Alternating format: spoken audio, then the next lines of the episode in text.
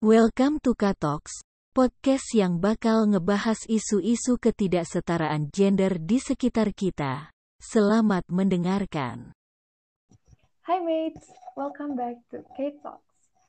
Jadi di episode ke-10 ini, kalian bakal ditemani sama aku Kalica, salah satu public ketidaksetaraan, dan Dan aku Riana uh, dari tim Public Relation juga. Hi, we're back on podcast.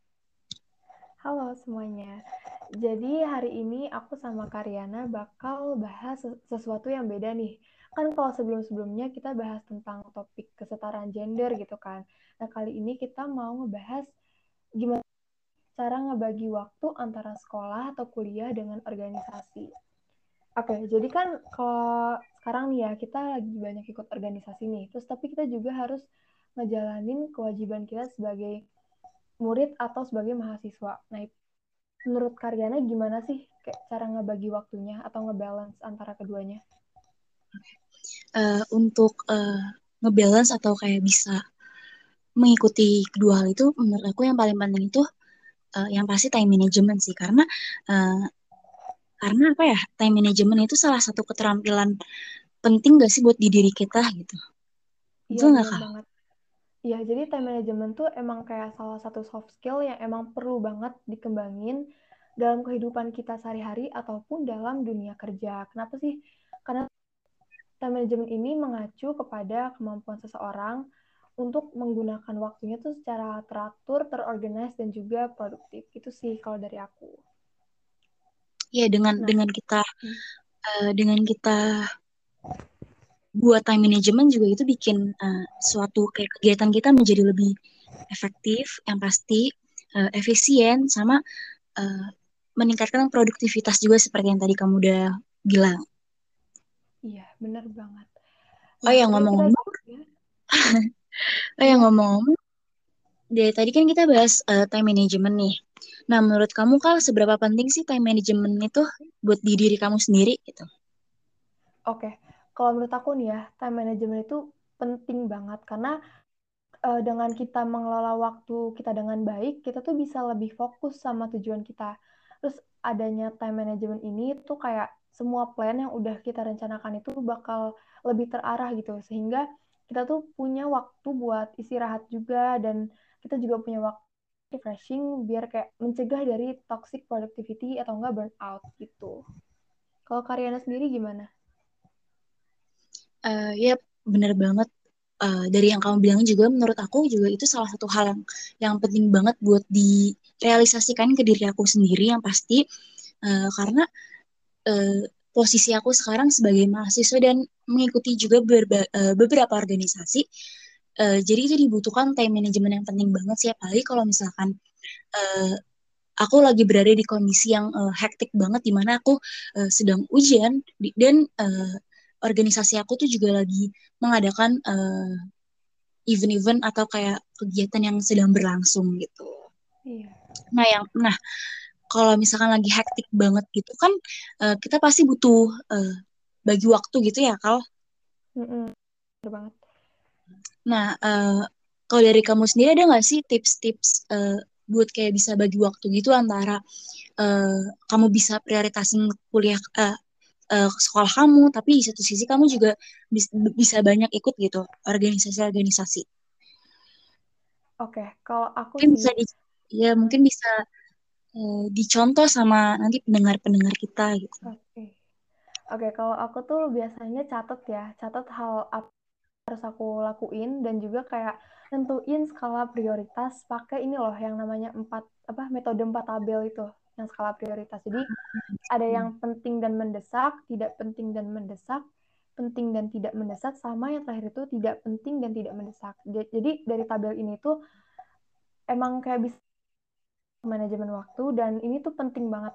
Nah, aku juga kayak pakai aplikasi bantuan kayak misalkan Google Spreadsheet gitu kan. Jadi aku nggak mungkin kalau misalkan lagi punya banyak tugas di sekolah sama di organisasi nggak mungkin aja gitu karena bisa lupa jadi emang harus dicatat karena kan sekarang juga ada beberapa aplikasi ya kayak Notion, Google Calendar, terus atau enggak kalau misalkan uh, di buku juga bisa kan kayak pakai planner gitu, gitu sih. Ya, yeah, uh, honestly, uh, aplikasi-aplikasi kayak gitu tuh membantu banget sih bagi uh, orang-orang banyak. Karena biar iya. uh, lupa juga gak sih? Iya benar banget. Soalnya kan kayak kalau misalkan kita walaupun ya mungkin mungkin kita bilang aku bakal ingat kok tapi nggak nggak bisa kayak gitu. Kita tuh harus catat gitu loh biar kayak lebih ingat gitu. Di jadwal dijadwalin. Oke nah kalau nah kalau nah kalau kamu kan lebih kayak ke digital gitu ya. Kalau aku tuh biasanya lakuinnya tuh kayak langsung gitu journaling. Aku biasanya tuh suka nulis di buku aku buat uh, to do list kayak apa sih yang harus aku kerjakan di hari ini gitu. Terus uh, terus aku juga uh, yang pasti bikin uh, bikin apa ya jurnalnya itu nulis-nulis kayak sesuatu yang kayak diurutin juga gitu semacam kayak kamu sih dari hal-hal yang kayak paling penting dulu sampai yang uh, kurang penting. Jadi kayak kadang yang yang agak kurang penting itu suka kelewat juga sih misalnya di hari itu gitu suka nggak uh, kekerja kekejar gitu. Iya benar sih. Nah tadi kan kayak udah ngomongin soal yang organisasi sama tugas-tugas Nah, kalau untuk belajar sendiri tuh aku pernah pakai yang namanya Pomodoro Technique. Itu jadi kayak 25 menit belajar, 5 menitnya istirahat kayak gitu. Tapi kalau misalkan ngerjain tugas kayak nggak bisa sih, aku harus yang benar-benar selesai dulu baru aku bisa bisa istirahat. Kalau yang belajar mungkin bisa pakai teknik ini gitu. Bisa barangkali membantu gitu ya Pomodoro Technique ini. Nah, terus kalau Karyana ini apa sih yang menjadi kendala dalam mengelola waktu? Ada nggak? Uh, sejujurnya ada sih beberapa. Pertama, uh, yang pasti kalau misalkan aku lagi uh, benar-benar uh, capek banget atau stres gitu ya. Hmm.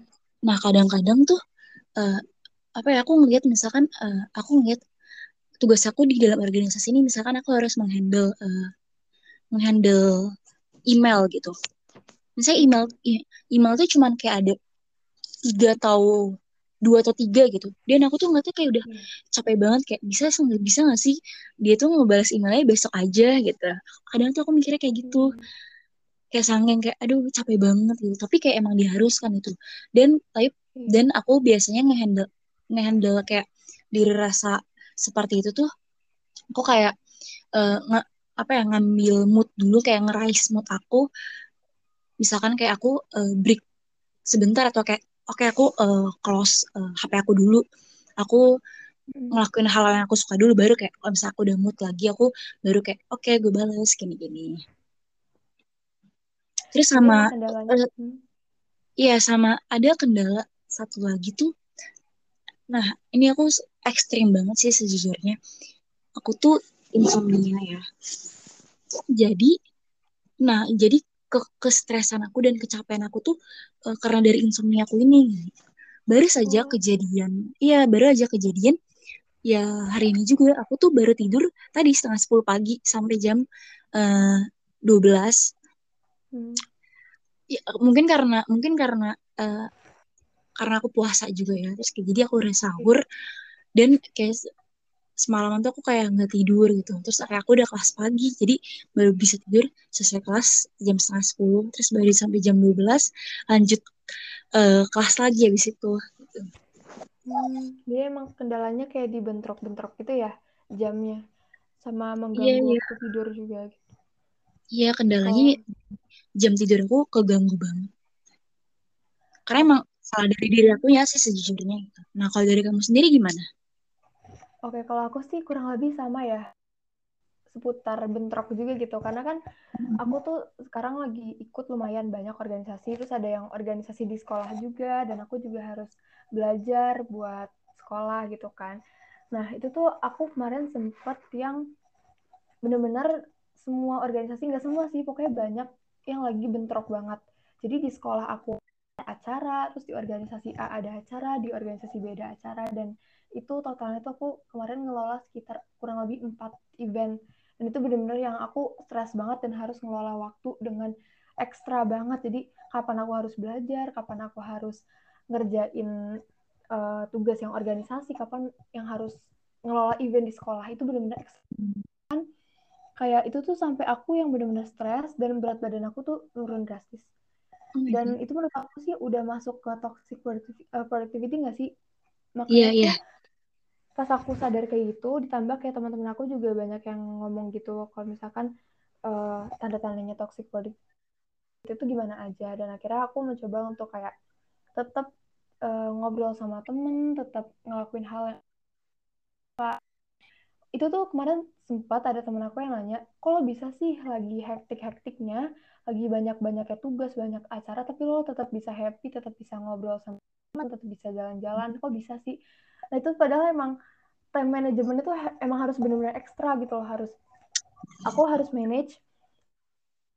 Aku bikin jadwal misalkan aku dari pagi nih sampai siang karena udah offline kan jadi aku emang harus benar-benar fokus belajar. Ntar pas pulang sekolah baru aku ngelakuin uh, ini ngelakuin kayak tugas atau uh, event dari sekolah gitu sih jadi emang aku benar-benar nentuin skala prioritas dari situ gitu biar Dan kayak nggak keteteran sih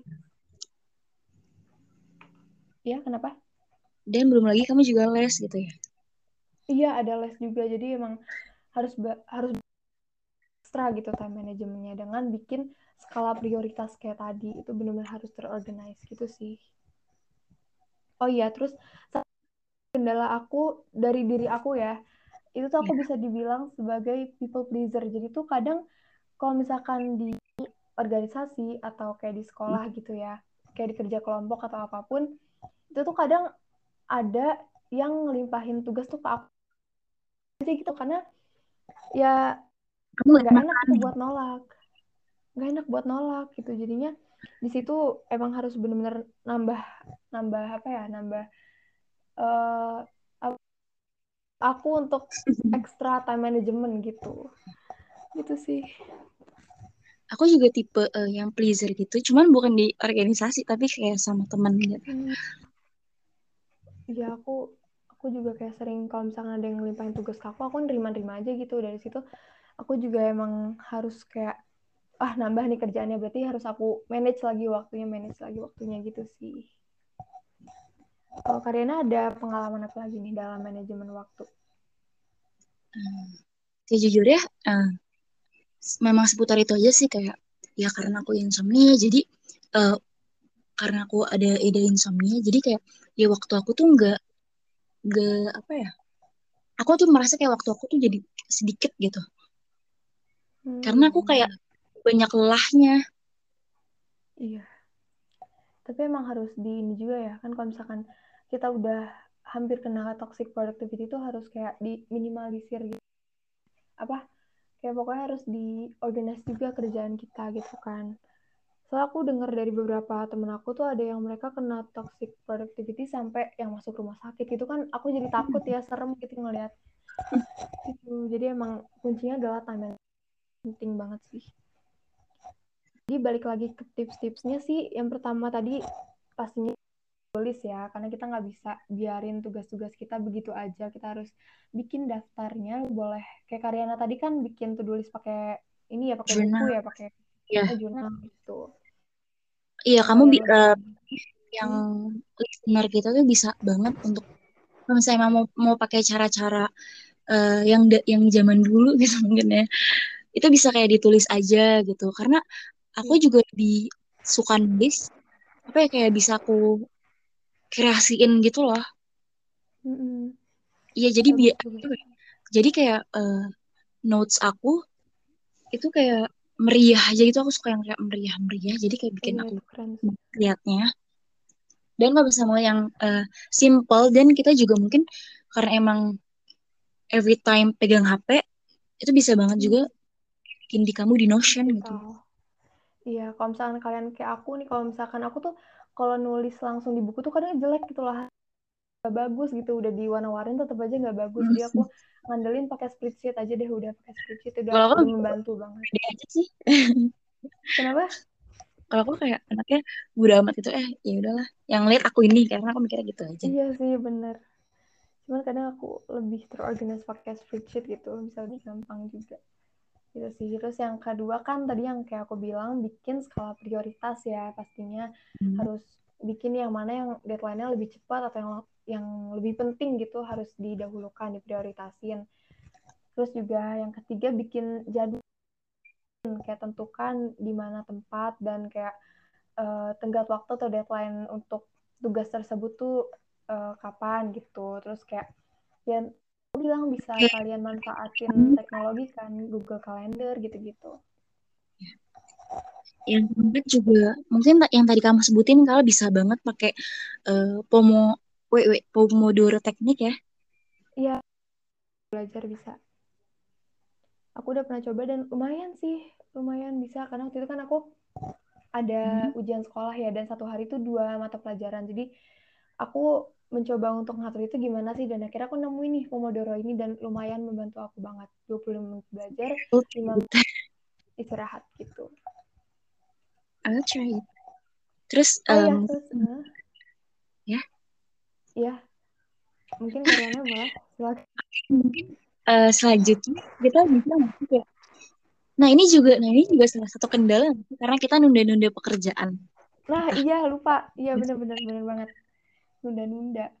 Jadi emang aku tuh sih nunda-nunda dan itu benar-benar nggak nyelesain masalah sama sekali. Malahan tugas aku numpuk di akhir gitu. Jadi emang ngurangin procrastination aja sih gitu. Ya malah bikin uh, stres gitu karena kayak misalkan kita kita nunda nih terus kayak tiba-tiba besoknya kita dapat uh, satu pekerjaan lagi. Jadi kan kayak tam tambah nambah gitu. Malah tambah kayak cuma dipikirin aja.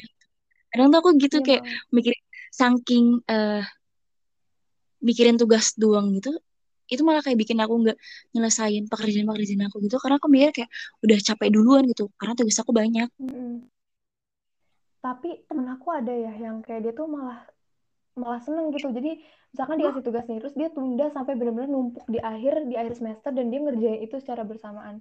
Oh ya nggak tahu ya kan orang beda-beda cuman kayak kalau menurut aku kita uh, harus ini sih stop procrastination, maksudnya ngurangin aja gitu. Cuman aku nggak tahu kenapa bisa kayak gitu. Mungkin ya emang dia bisa atau multitasking gitu kali ya.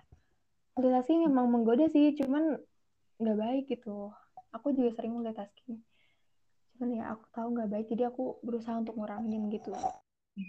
Terakhir penting banget istirahat. Istirahat ini penting ini banget biar kayak uh, juga toxic productivity nggak sih?